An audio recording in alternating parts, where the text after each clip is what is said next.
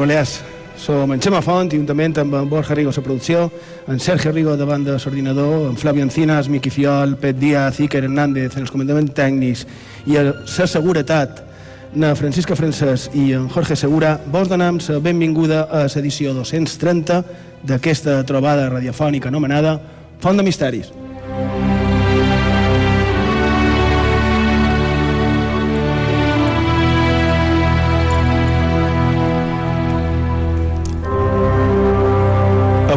Acabam la sisena temporada i com ja va sent habitual ho hem volgut fer com no, d'una manera diferent, d'una manera que el manco fins ara espero que estigui resultant entretinguda per a tots el que ens estàu acompanyant ara aquí en directe en aquest programa especial del despati d'armes del castell de Baibà, a Mallorca. Esteu bé? Us he demanat? De moment tots bons? Bé? Fantàstic. I de, el manco, per, per nosaltres, per el que feim Font de Misteris, crec que se podria resumir només amb una, amb una paraula. Per nosaltres això és una passada, simplement. No? Crec, Borja, Sergio, que esteu d'acord en, en el que acab de dir. Bon vespre, bon vespre a tothom. Una, Bon vespre, Xema. Una vegada més. Bon vespre. Bona continuació de, de ballada. Exacte. I sí. és que no se'n pot afegir més. És a dir, estem en el castell de Beiva, en el pati d'armes, un dels indrets més emblemàtics dels que tenim a Rou. I el que a un moment donat havia estat com una espècie d'idea Sí. que no. queda un poc a l'aire, Sí, i tant, i tant, perquè és que a més ni tan sols hi havia cobertura. efectivament. I, i fixa-t'hi el que han aconseguit els, els companys de tècnics d'IV3. Bé, avui citant a Napoleó no direm que 40 segles mos acompanyen per a 6-7. Sí, set segles, exactament, set segles. Això se va començar a fer per d'haver l'any 1300, no? Imagineu. Imagineu. I és que avui, com a, com a cloenda, ja comença a ser habitual, cloenda de temporada, hem fet l'activitat que bé, abans he dit, no ho sé, de Castell Reial a, a Castell Real, no? o qualque cosa pareguda. I és que el que hem fet ha estat quedar uns quants amics, han quedat a les 8 en el Palau de l'Almudaina, a Palma, després hem fet una passejadeta, i amb els autobusos de, de CMT, de l'empresa municipal de transports, hem vengut fins al Castell de Baibà, des d'on ara estem fent el programa per totes les illes Balears. Gràcies i benvingudes, benvinguts.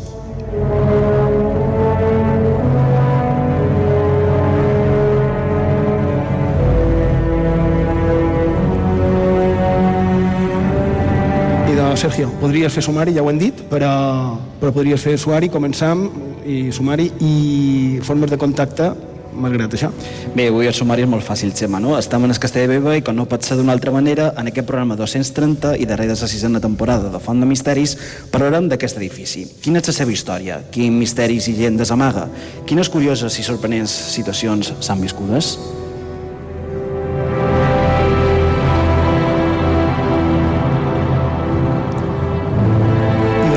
Podríem podríem anar donant les formes de contacte perquè malgrat avui s'acabi la temporada eh, que sapigueu tots, i més els que esteu aquí vos heu posat en contacte amb nosaltres, els que esteu ara en el castell, eh, mitjans eh, Facebook, eh, correu electrònic, es, es WhatsApp, i, i encara que ens anem de, de vacances, entre cometes, seguiran obertes tot l'estiu, o sigui que les pot donar i apunteu-les per, per tot l'estiu també. I efectivament, Xema, encara que acaben la temporada, les nostres xarxes socials dels programes segueixen obertes tot l'estiu. Per això, si us voleu fer arribar els vostres missatges, ja ho sabeu, ho podeu fer de diferents formes, a través de Facebook i Twitter, cercant Font de Misteris i emprant l'etiqueta Font de Misteris i B3. També a través del WhatsApp dels programes. Número de contacte és 659 1669 52. Ho repetim, 659 1669 52. En el correu electrònic fontdemisteris arroba ib3radio.com o Instagram cercant Font de Misteris i IB3. També podeu escoltar tots els nostres programes en el servei a la carta d'IB3, a ib3radio.com, a ivox.com i a fontdemisteris.com.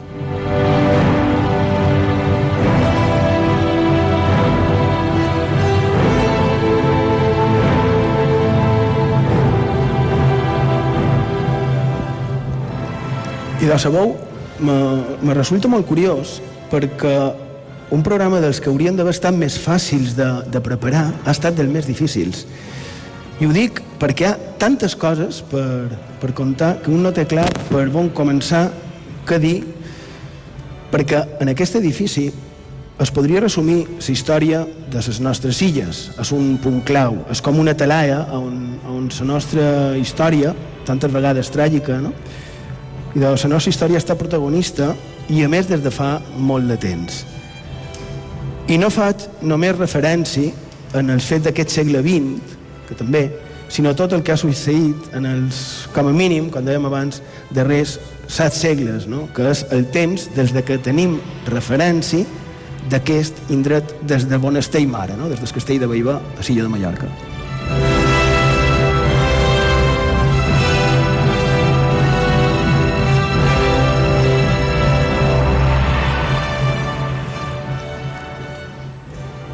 Perquè, dic set segles, perquè quan les illes eren sota control dels serraïns, es pot creure que aquí havia d'haver qualque cosa.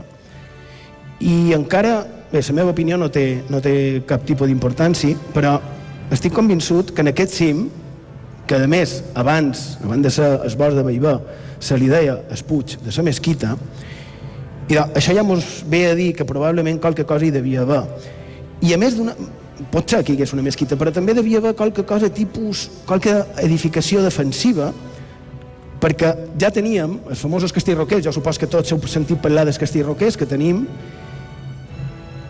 i de, si ja hi havia aquells, per tal de controlar Silla, amb més motiu qualque cosa havien de tenir per poder controlar Palma, perquè quan hem baixat de l'autobús heu vist lo bé que se veu Palma i, i s'abadia, no? perquè els serreïns s'haguessin pogut controlar aquella seva Medina Mallorca.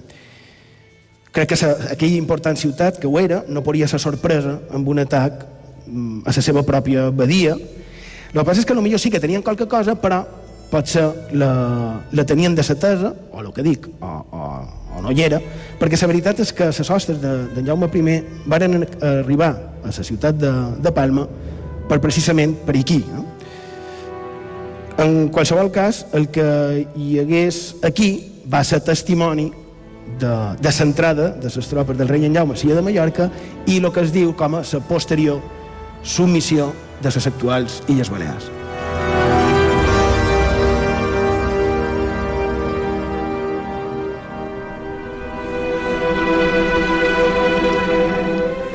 I això que acabo de dir me va recordar, com no, que qualcú ja, ja va tenir la idea abans, eh? el punt on és el castell aquest vist com a, a talaia d'observació.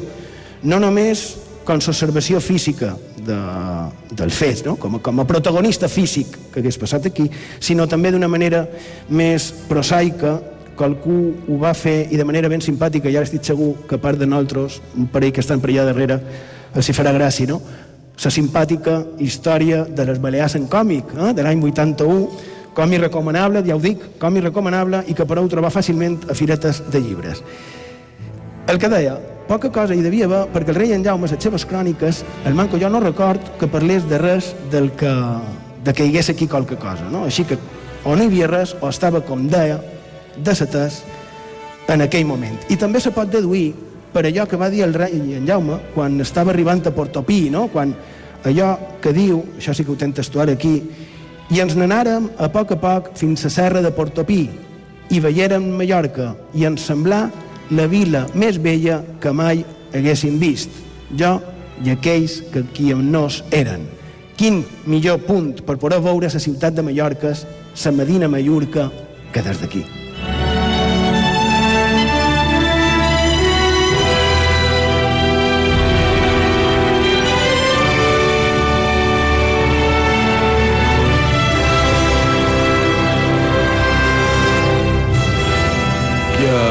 Cert, ara que comentaves això de, de la història de, en còmic, tinc boníssims records de, de la lectura d'aquesta obra. Va ser, en el meu cas particular, cas particular, no li importa a ningú, però ho contaré igualment, ja ho sabeu. que...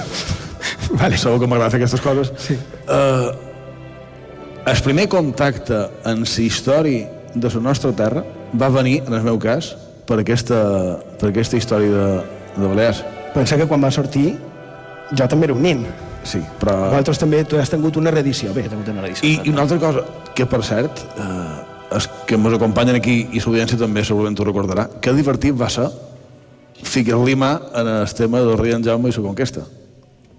A què fa referència ara? en aquella corolla que varen fer en el seu moment. Ah, del llibre dels fets... Efectivament. Bé, és que a Font de Misteris, no, que va ser l'any passat, L'any passat, l'any passat. vàrem eh, fer, per, pensam que per primera vegada eh, se va fer la dramatització del llibre dels fets, de la crònica escrita suposadament pel propi rei Jaume I de la conquesta de les Illes Balears i van fer una dramatització en, en 40, devia ser una quarantena de, de bous diferents, no? que van aglapir a tothom. Bé, estàvem parlant de Bella Vista, vull dir, Tot va lligat. Sí, tot. Uh, perquè aquí mm, el rei en Jaume precisament va dir la bella vista no? que, que hi havia és un veí veure i d'aquí ve veí va. No? En qualsevol cas, a principis del segle XIV, de ser 1300, es comença a construir el que ara tenim. I ho va fer es conegut com a Bon Rei, en Jaume II.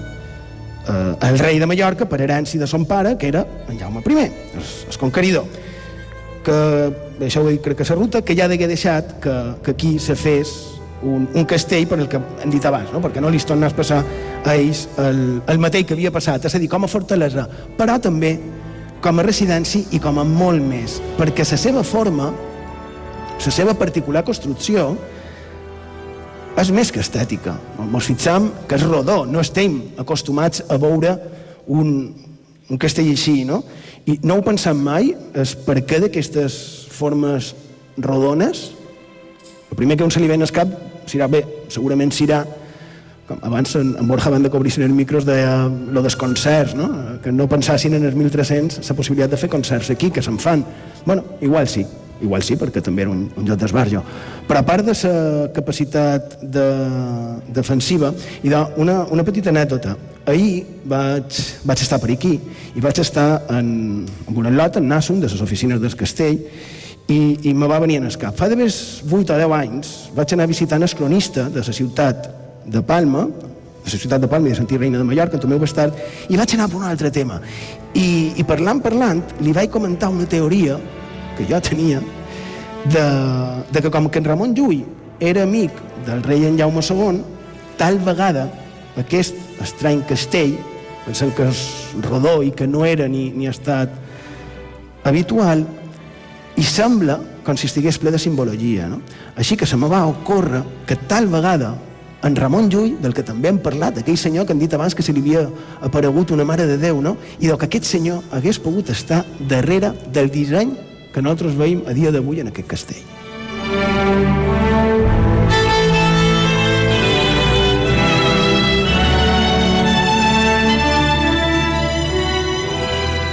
Llull, càbala, eh, astrologia, els elements, no? el simbolisme.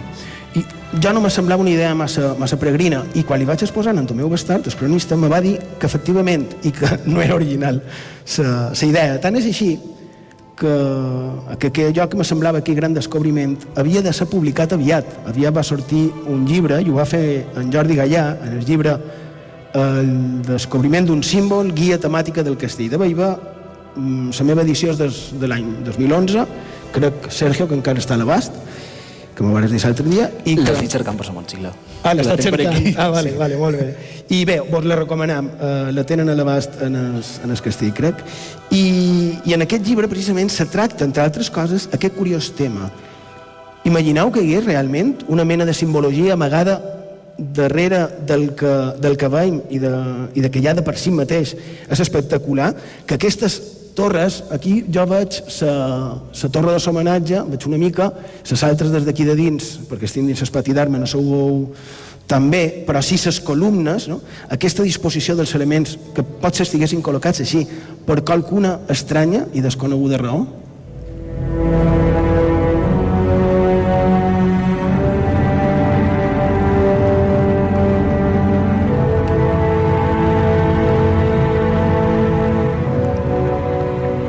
Fixeu-vos, entre d'altres, l'autor que, que ha citat, en Jordi Gallà, diu, ho tinc aquí copiat perquè ara l'estrep però no s'està quasi a punt. El castell de Baiva és també una imatge cosmològica, ja que Somo és, en efecte, microcosmos. I en el castell veiem que la suma dels elements indicat és una referència en els set planetes, el sistema astrològic de Llull i la combinatòria de planetes i elements serveix per definir els signes del zodiac. Quasi res.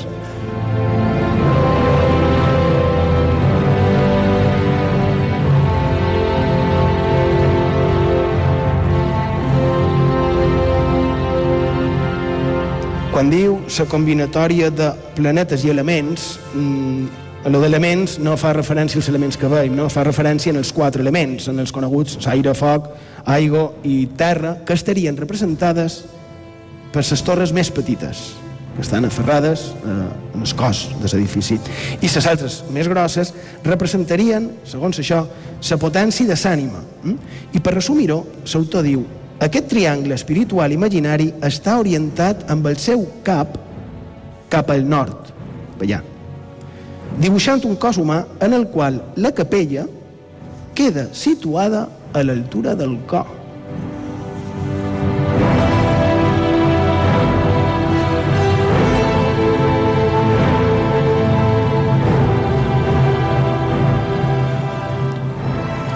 Supos que estireu, estireu d'acord en que aquesta teoria, si no és vera, si no és veritat, ho ha de ser.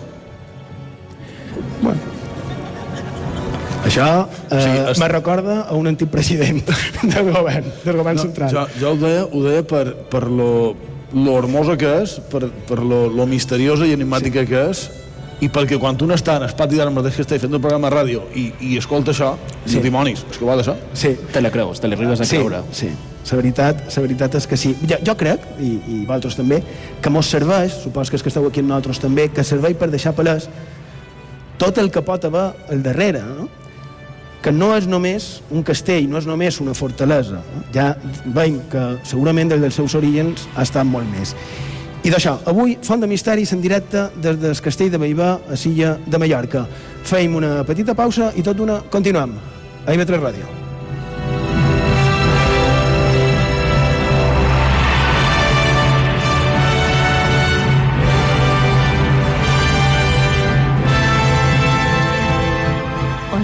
Història es torna llegenda, a on el més quotidià es torna màgic. Acompanya'ns a la nostra font de misteris a IB3 Ràdio.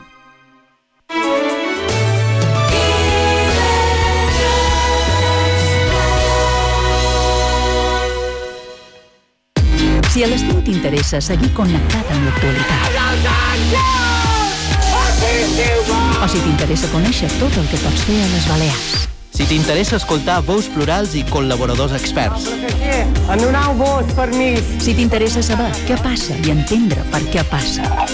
O si t'interessen la cultura i el batec creatiu de la comunitat. Escolta, múltiples, en Sergi Marcos, de dilluns a divendres de 3 a 6. Enganxa a Ives Ràdio. No veig res. Aquí no hi ha ningú. Ei, sí, mira, allà. Són flors! És increïble, són flors! Flors en el desert. Trobant persones que fan el món millor. Flors en el desert, amb David Oliver. Diumenge a les 9 del matí, a IB3 Ràdio. IB3 Ràdio. La ràdio pública de les Illes Balears. Eivissa i Formentera, 93.7. Misteris i llegendes a Font de Misteris, amb Xema Font.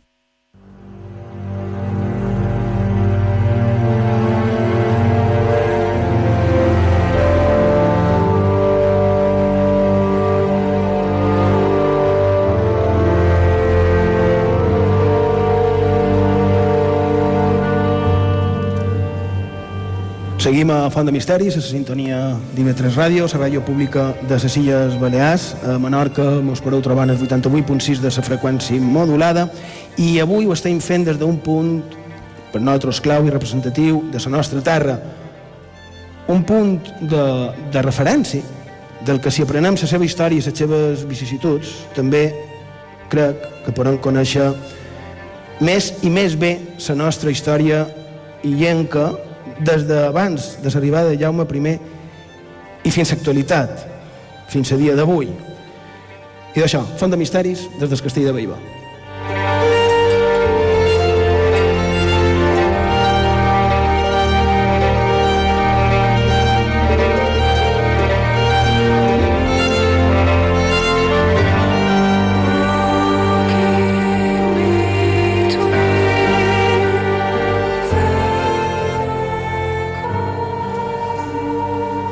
Normalment sempre deim lo, de, lo dels nostres amics, oïdors, etc. Uh, tenim un parell que és, que és increïble la seva capacitat. Ara mateix, a la petita pausa publicitari, no sé si puc dir qui és o no, ja no ho diré per si un cas, mos acaba de dir un que es mos sol sempre donar un cop de mà amb aquestes coses, me diu, vos heu fixat, jo m'havia fixat per una altra cosa, per tema més astrològic, diu, vos heu fixat que hi ha 21 arcades que són els arcans major de, del tarot? La veritat és que no ho havia pensat. El nombre d'arcades se corresponen amb els arcans grans dels tarot.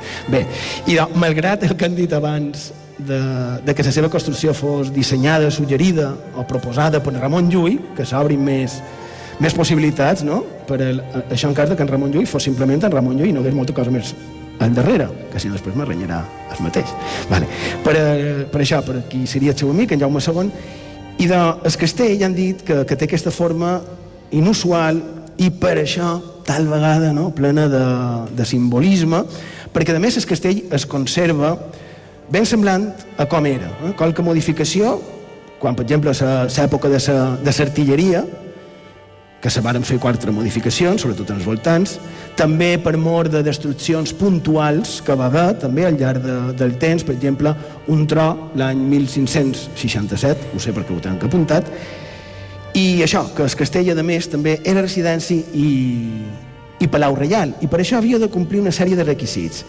I com que va ser el propi Jaume II, que qui va traslladar la seva residència aquí, hm, en això que en el seu temps no devia ser tan sobri com ara, sinó que devia ser un lloc més acollidor, ple d'ornaments i d'encants, i d'ell ve aquí i havia de complir com de, com una sèrie de requisits, tant defensius com, com d'accés i com d'espai. De, I com que el rei Jaume II no tenia només, només un castell, en tenia més, i un d'ells era de Perpinyà, actualment en el sud de França, i si analitzam tot això, tal vegada tenim resposta a la famosa qüestió del túnel.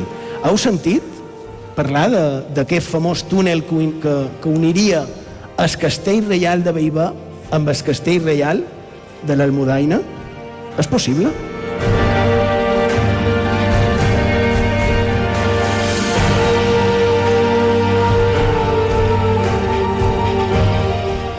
I de la llegenda mos diria que hi ha un túnel, com dic, que uniria Beiba a l'Almudaina, Castell Reial en Castell Reial. D'aquí és nom de, de que hem fet avui, perquè hem partit d'allà. I, a més, només el tema del túnel crec que podria ser digne d'un estudi ben ample, no? encara que fàcilment més comprovable si hi hagués possibilitat de poder dedicar recursos a la investigació, a la prospecció in situ, queda dit. Però per què un túnel, quin motiu i quines proves no? podria haver. I d'abans he citat el palau de, del rei en Jaume II a Perpinyà. I de resumit, el rei en Jaume II tenia un germà, que era en Pere III, en el que li va tocar una part més sustanciosa no? de la de herència de, del rei Jaume I, i com en Pere III era més poderós, va demanar al seu germà submissió. Després, per un tema de suposats pactes de Jaume II en tercers, el seu germà romp el tracte i ordena la detenció del rei que precisament es, troba, es trobava en el palau dels reis de Mallorca, a Perpinyà. Encara existeix aquest palau i realment val la pena, val la pena anar a visitar-ho. El cas és que el rei Jaume II aconsegueix fugir de la presó en la que s'havia convertit el seu palau per ordre del seu germà. No sé si ho estic explicant bé. I com ho va fer? Per poder fugir del seu propi palau. I ho va fer per clavegram. Ningú no devia imaginar que aquell rei fugiria per allà. Però ho va fer i es va poder alliberar. Després està el que va passar eh, amb ell i en, sa, i en sa seva família, que sí se va quedar presonera. No? Sa, la reina Esclaramonda, per això és una altra història. El cas és que ell, tot un rei, l'any 1285, va haver de sortir de casa seva, del seu palau, per clavegram.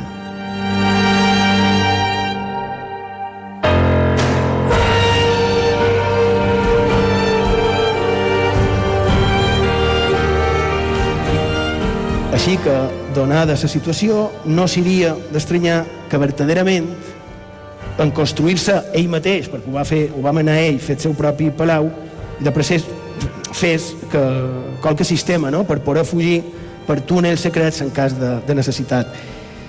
La veritat és que estic convençut de que qualque, Borja, Sergio, que qualque túnel, qualque, qualque cosa d'aquestes hi devia haver. Si, si analitzem la distància, si analitzem lo complicat que devia ser una obra d'aquesta envergadura, se fa, per ventura, mal de creure que, que fos un túnel tan, tan llarg. Però que després d'haver passat tan malament a Perpinyan i haver de fugir per les clavegueres, el rei, que era el bon rei, un senyor ensany, li suposam, que pensàs qualque sistema de, de fugida per, per evitar mals majors és fàcil de, de creure. Que a lo millor va ser un túnel més curtet, a lo millor sortir aquí darrere, si és que n'hi havia algun. En el bosc. Aquí està, Efe, efectivament, efectivament. Això estic d'acord amb tu. Això de que un túnel que junta els dos, para, els dos palaus reals, la veritat és que... A lo millor no fa falta no. que fos tan llarg. Però, però per diversos motius, a més. Tampoc farem ara el monotemàtic damunt d'això, però, entre d'altres, si s'hagués fet, per començar, durant 700 anys, un túnel reial, pel propi rei, i per no tot sol, sinó més gent, se suposa que durant el temps s'hagués trobat qualque, qualque prova, qualque, qualque vestigi, no? I a més està la orografia del terreny, mm, perquè això ho dificultaria molt. Vos en recordeu quan hem anat en el bus, no sé si tu també ho has contat a l'autobús, jo sí, que han contat lo d'Esborn, que era la mà arribava fins probablement a la plaça les Tortugues i d'imagineu haver de passar des d'aquí, arribar amb el túnel, arribar allà i passar per baix d'aquell final de la riera, d'aquella entrada d'aigua, d'aquella cala que, dit, que, que hi havia, i passar per baix d'allò i tornar a pujar. O sigui, era una obra massa difícil, crec jo, i massa, massa difícil, llarga, no? i si me, si me permeteu, si qualque dia se trobés aquest túnel, podríem dir que és un túnel real, real. Vale. Molt bé. Sí, és que... sí. Bé, eh, el que sí també és segur és que de Salmudaina hi havia túnels de fugida que sortien, de fet n'hi havia un que, que està demostrat, fins on jo sé, eh, Sergio Rigo està demostrat que hi havia el túnel que anava des de Salmudaina a les actuals cases del, del temple que era on hi havia una altra almudaina igual a l'almudaina que tenim ara, que li va tocar els templers, però això és una altra història. I que des Castell hi havia túnels que sortien, mm, jo crec que també segur, segur. està bastant clar.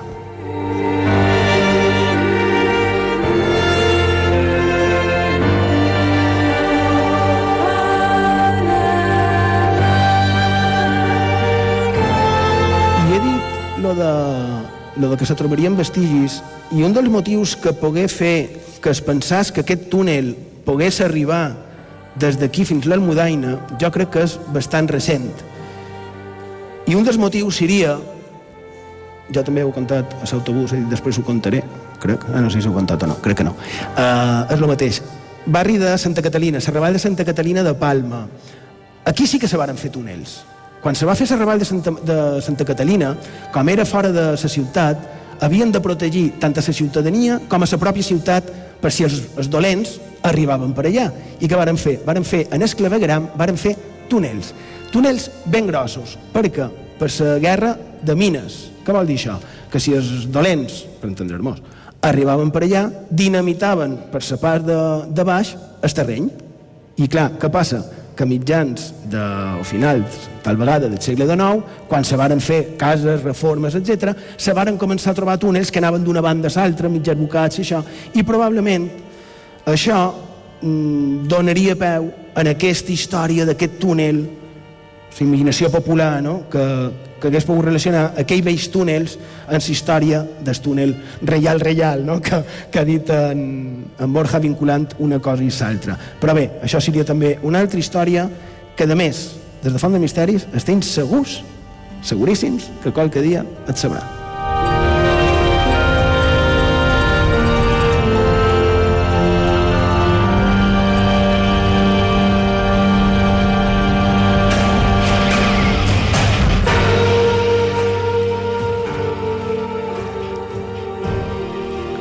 El que sí hi ha és, ara mateix, sota els nostres peus, unes cavitats immenses.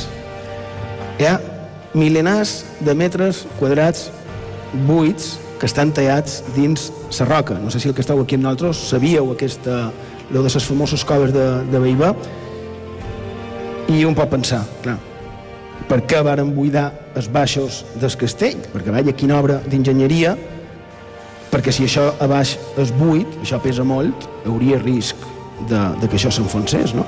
Perquè ho haguem fet.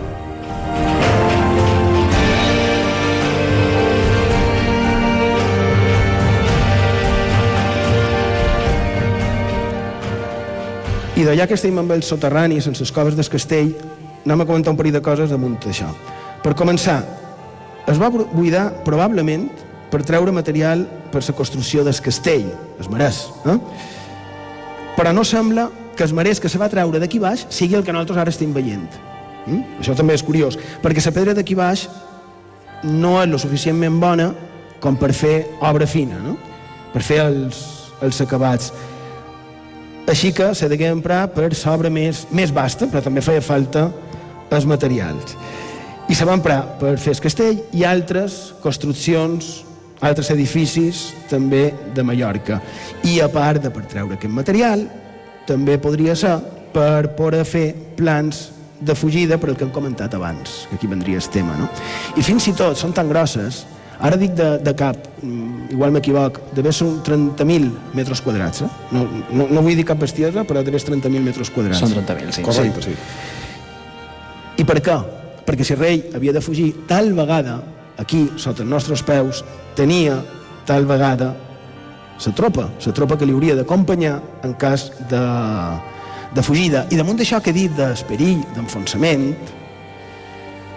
abans, quan hem estat davant la seu, he dit la façana de la seu va caure 1851 per un terratrèmol. Bé, i doncs sembla que una, de la part, una part de les coves d'aquí baix se van enderrocar segurament també amb el terratrèmol que va haver la ciutat de Palma l'any 1851. No?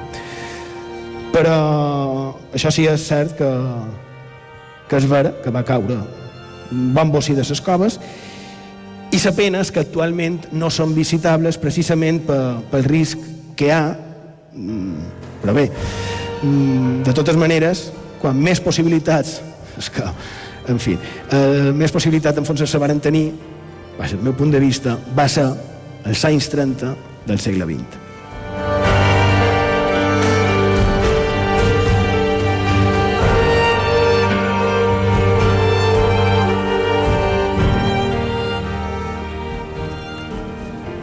Als anys 30 van succeir dos fets molt rellevants pels castell.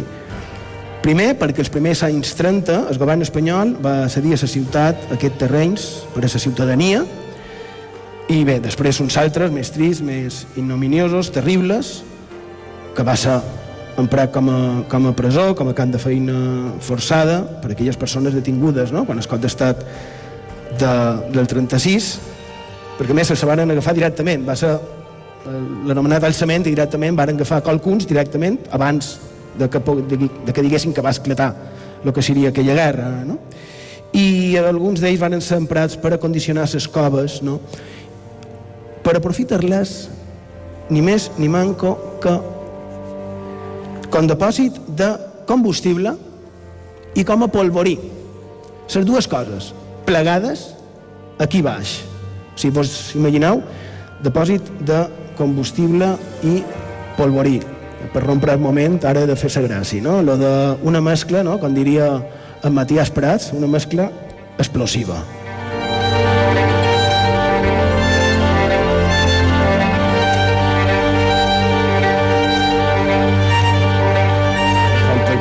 Sergio en faci un i ja...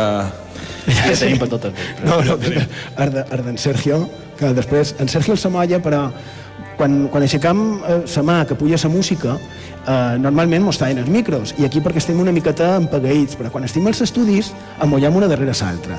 I en Sergio diu sempre, xistaco, i molla un d'aquests desgrossos. Aquí no tens valor de fer-ho, eh? Aquí no. Vale.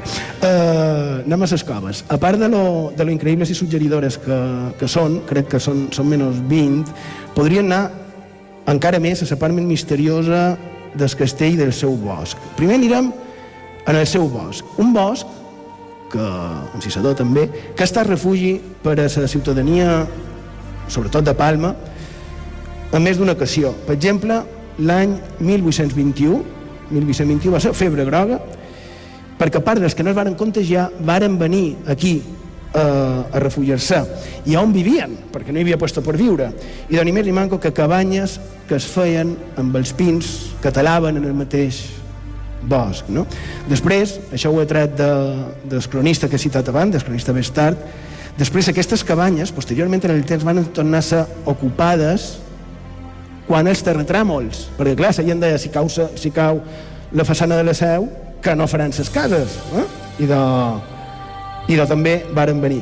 I després, això també és molt curiós, quan va, fa, va haver una tala massiva, aquell, el que ara anomenam el pulmó de la ciutat, etc, a mitjan del segle XIX ja ho tenien com a pulmó de la ciutat, però com l'havien talat tant, va haver un parell de llets, de llestos, que varen dir, i com està tot talat, per què no ho urbanitzam? És que la història repeteix. Eh?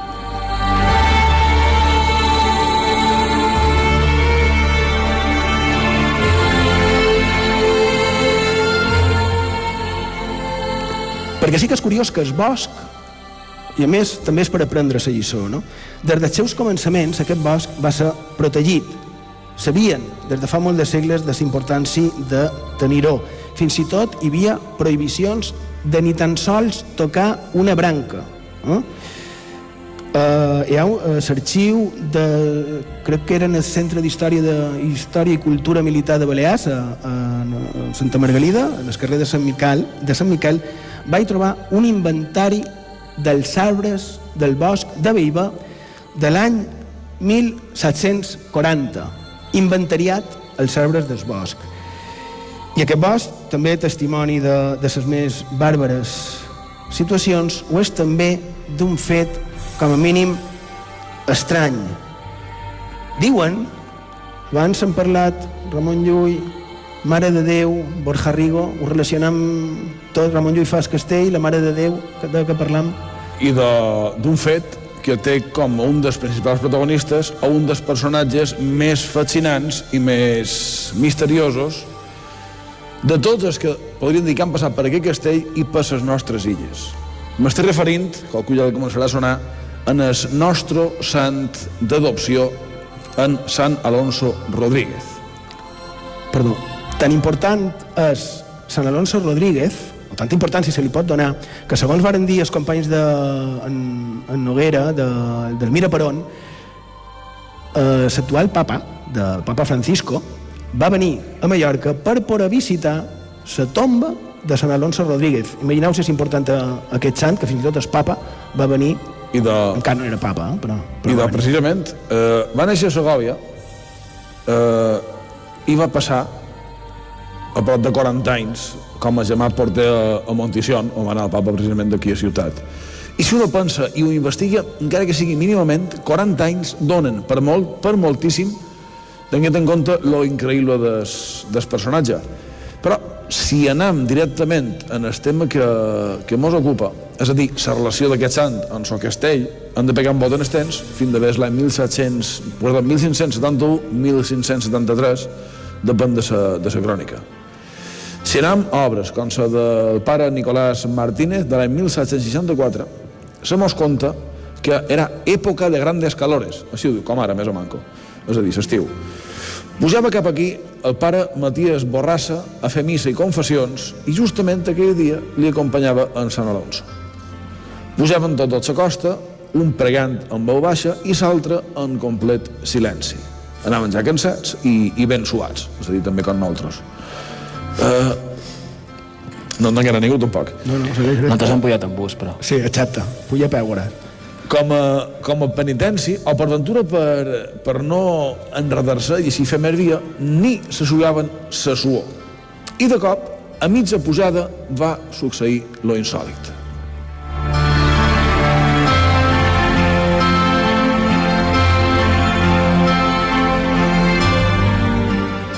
Lo impossible davant en Sant Alonso va haver una aparició, ni més ni manco que la Verge Maria, con aquel rostro que alegra los cielos y la tierra, diu el llibre, per aixugar-li la cara en el nostre sant. És a dir, no era una, una aparició intangible, fantasmagòrica, no, una aparició ben tangible, ben real, ben física, i clar, en Sant Alonso, tan sorprès, podríem dir, com meravellat, se deixa fer. Però després, quan la verge li va fer entrega del mocador, ell el rebutja, dient que no és digne. I què pensau, vos demana a vosaltres que esteu aquí i a l'audiència també, què penseu que fa la verge? I doncs s'amaga el mocador i descompareix. Directament. Què t'apareix? Bé, d'aquesta història podem treure un pot de suc. D'una banda, que aquí en el nostre castell, concretament un poc més a baix en el bosc, tenim documentada una aparició mariana, que estarà d'acord en que no és poca cosa. És cert també que, a diferència d'altres manifestacions més, més contemporànies, eh, tipus Fàtima o Lourdes, no va que sapiguem de cap fenomen de, de sol ballant, ni, ni molt manco, tampoc la Verge va fer profecies, però, mm, d'altra banda, i això crec que és important, i posa una, una mica els cabells drets, això que apuntava fa un moment, és a dir, que la Verge va fer una aparició tangible, real, la podries tocar, te podria tocar ella, te podria suar la suor del front. Uh, clar, vos imagineu que a dia d'avui se, se conservés, abans de la ruta han comentat qualque cosa de, de conservar coses de la Verge, però vos imagineu que se conservés aquesta tela creada del no res i entregada per la Verge en el nostre sant?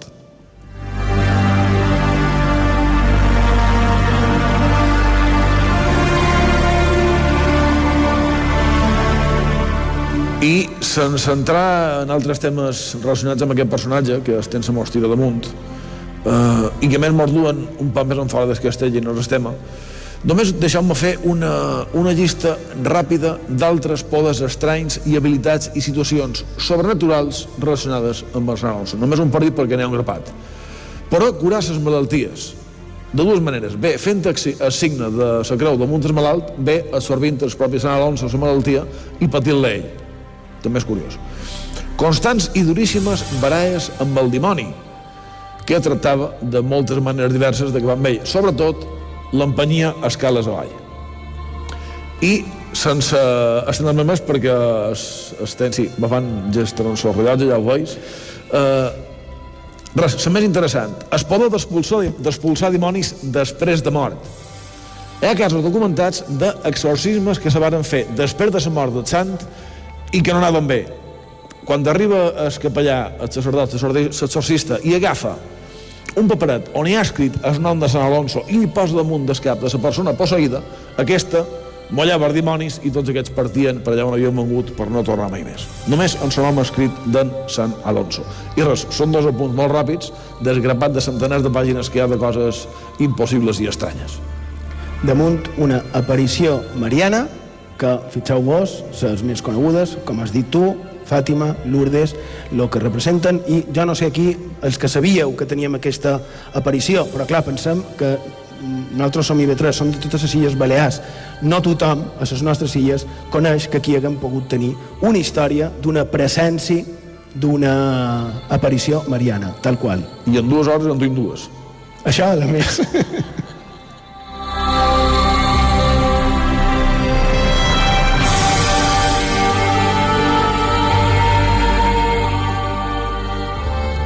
Bé, i aquesta capelleta seria una de les poques construccions que hi ha en el bosc, a part de, de les coves de, del castell, i, i n'hi ha poques, hi ha una altra construcció que, que la parla d'ell Jovellanos, s'il·lustre presoner, curiós, això també, perquè n'hi ha hagut un bon caramull de, de presoners, però només recordam un poc, un parell de noms, això sempre, sempre m'ha sorprès, no? Sense anar més juny, el que deia abans, fa d'haver 80 anys, 800 persones van ser empresonades aquí, o l'època de la guerra dels francesos, la guerra de la independència, 200 i pocs anys.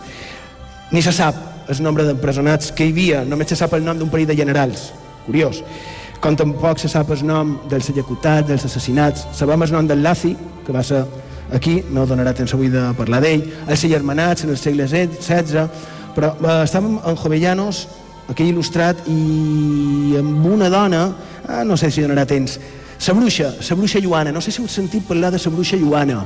La bruixa Lluana diuen que habitava aquí, a les coves, no a les coves de baix, sinó a les altres coves. Però, però, deien que també hi havia una casa. Hi havia una rondalla que si cercau eh, i escriptora Carme Feliu la va recitar fa un parell d'anys la rondalla com a tal, però a part d'aquesta hi havia una altra que estava relacionada amb una poma encisada que, que va esclatar. No? Però és que en Jovellanos nos, mos parla de la casa d'aquesta bruixa, de la bruixa Joana, i diu Només puc dir això, no puc dir res més, perquè mos queden molt pocs minuts. Sea lo que fuere, la fuerza de la superstición la hacen mirar con horror y aleja de ellos pastores y ganados, por más que ofrezca algún pasto y un abrigo seguro contra la inclemencia, notable prueba de su poder, de esa casa de esa bruixa Joana, cuando no la vencen el interés ni la necessitat. Això deia de sa casa de sa bruixa en Jovellanos, s'il·lustrat. Petita pausa i partim, no tens per més.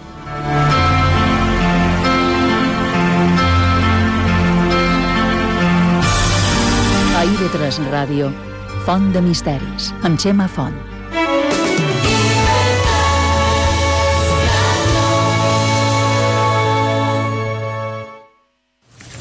Adiós, rutina. Hola, cruceros, con Halcón Viajes y Viajes Ecuador. Aprovecha ahora para reservar tu crucero por el Mediterráneo, islas griegas, fiordos y muchos destinos más. Di hola a los cruceros y reserva ya en Halcón Viajes y Viajes Ecuador o en el 900-842-900. A la gran vida sortim al carrer a cercar les veus, els projectes, les emocions, les paraules que fan que tot tingui sentit. Perquè, de vegades, la cultura pot salvar-nos la vida. La gran vida, dissabte i diumenge a les 11 del vespre a IB3 Ràdio. IB3 Ràdio. La ràdio pública de les Illes Balears. Alcúdia, Andratx i Solla, 89.2. Misteris i llegendes a Font de Misteris, amb Xema Font.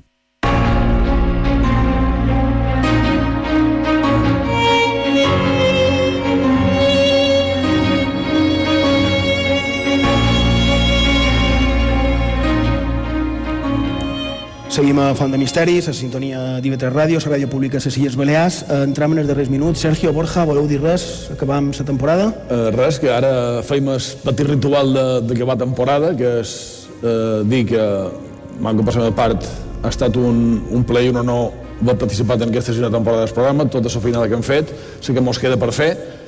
Estem escoltant una música que ha triat en Sergio molt, molt especial i amb molt de significat i, i res, dir que, que gràcies per venir, gràcies a l'audiència per escoltar molt, gràcies a IB3 on blog, que no hi ha temps, i, i seguim fent feina. I desitgem acomiadar temporada i, com diuen, ha estat un plaer viatjar amb molts aquests 44 programes que han fet aquesta temporada, aquesta sisena temporada de, de Font de Misteris.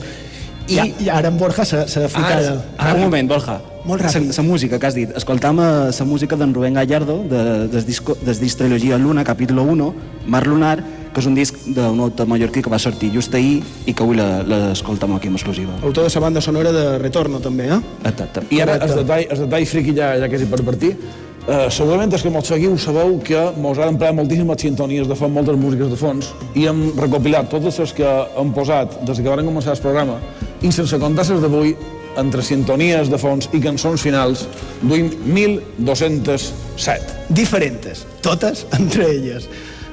Sonats.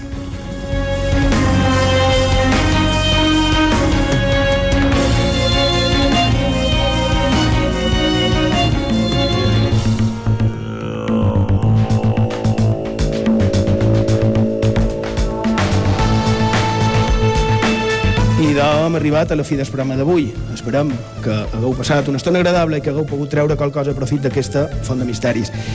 I bé, avui volem donar les gràcies a, a tots aquells que heu fet possible un altre somni per nosaltres i també una altra fita, poder retransmetre un programa de ràdio en directe des del castell de Baibà, des de pensar en un altre punt de vista i parlant d'aquella història més, més amagada, més enigmàtica, més misteriosa.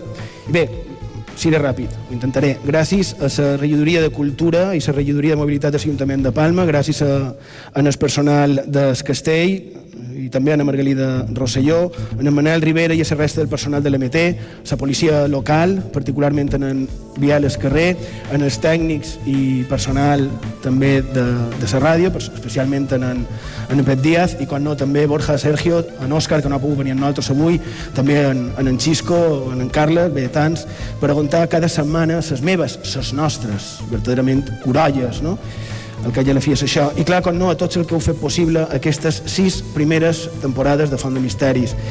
A tots i totes amb els que convivim en els estudis d'IV3, que de veres és un goig. Eh? Evidentment, també en els que en el recolzau des d'una part de, i altra de les zones, en els que esteu sempre allà, no? en els que ens escoltau ara mateix mitjans la ràdio convencional, sempre ho deim, llarga vida a la ràdio. I també els que ens escoltau mitjans les descàrregues, en els que ens envieu missatges, en els que estàu aquí, moltíssimes gràcies per acompanyar-nos, no? per fer això encara més personal, eh, de veres. A tots i a totes gràcies per aquestes sis primeres temporades. I avui aquí al Castell hem vist una petita part de, de la història d'aquest encisador lloc i per extensió també de la nostra història, clar. Sabem que aquest edifici i el cim on és està dedicat a diverses coses. Està fortificació, palau, residència, refugi, hospital, jardins públics, patíbul, presó, cementiri, camp de concentració... Malauradament, ja ho he dit, la darrera vegada no, fa tant, i vaig tenir ocasió de parlar amb protagonistes. I, i bé, ara ho tornem a tenir com a lloc d'esbarjo com a centre cultural i representatiu de la nostra comunitat. I crec que, com a, els que ens coneixeu ja ho sabeu, Utopia de gairebé la mitjanit del dissabte i 3 Ràdio, ens pot servir una petita curiositat que el nostre company i amic, el tècnic de son, Toni Cardell, me va contar fa uns dies quan li vaig confirmar que avui teníem immenses hordes aquí. Me va dir que no fa molt qualcú del personal de seguretat del castell, no sé si dels que estan aquí avui, no els he demanat, que en el voltant del castell hi ha coloms, jo els he vist. Hi ha coloms que hi habiten i que viuen per aquí. Però a la vegada sembla que també, just a l'altra banda del castell de l'edifici, eh, el que hi ha són xoriguers, que una au rapinyaire.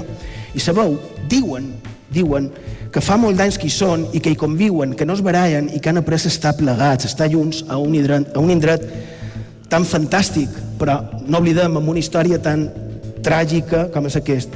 No sé si és cert, no ho crec, vale? però si no és vero, és ben trobat. Si no és cert, està ben trobat. En qualsevol cas, estaria bé que, quina utopia, no? que la terrible història d'aquest castell que ha hagut de ser de testimoni, no, no es repeteixi pugui mai més. Estaria bé, com vaig insinuar fa dues setmanes, que aprenguéssim més un poc de la humanitat de certes bísties, de certs animals. Estaria bé que aprenguéssim a respectar un poc més els altres. Estaria bé. I sé, estic segur que tots i a totes ens aniria molt millor. Avui, per acomiadar-nos, des d'aquesta fortalesa, un desig, una crida per la igualtat, per la pau, per l'estima i pel respecte. Deixeu-nos viure en llibertat. Tota sang té un mateix color. Som els soldats per la pau. Som els soldats per l'amor. Recorrerem, recorrerem tot el món amb missatges de pau. Ens omplirem de raons per ser tots iguals. No sé. Estiria bé. D'en Tomeu Penya, Soldats per la Pau. Allí Pau, bona nit. Gràcies per la vostra companyia. Temporada 3.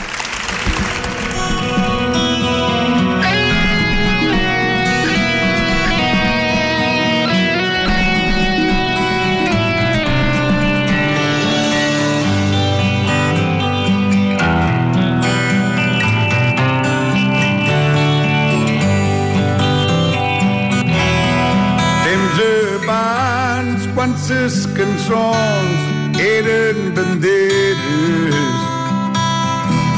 Olhares de flores, fazer-me nome e.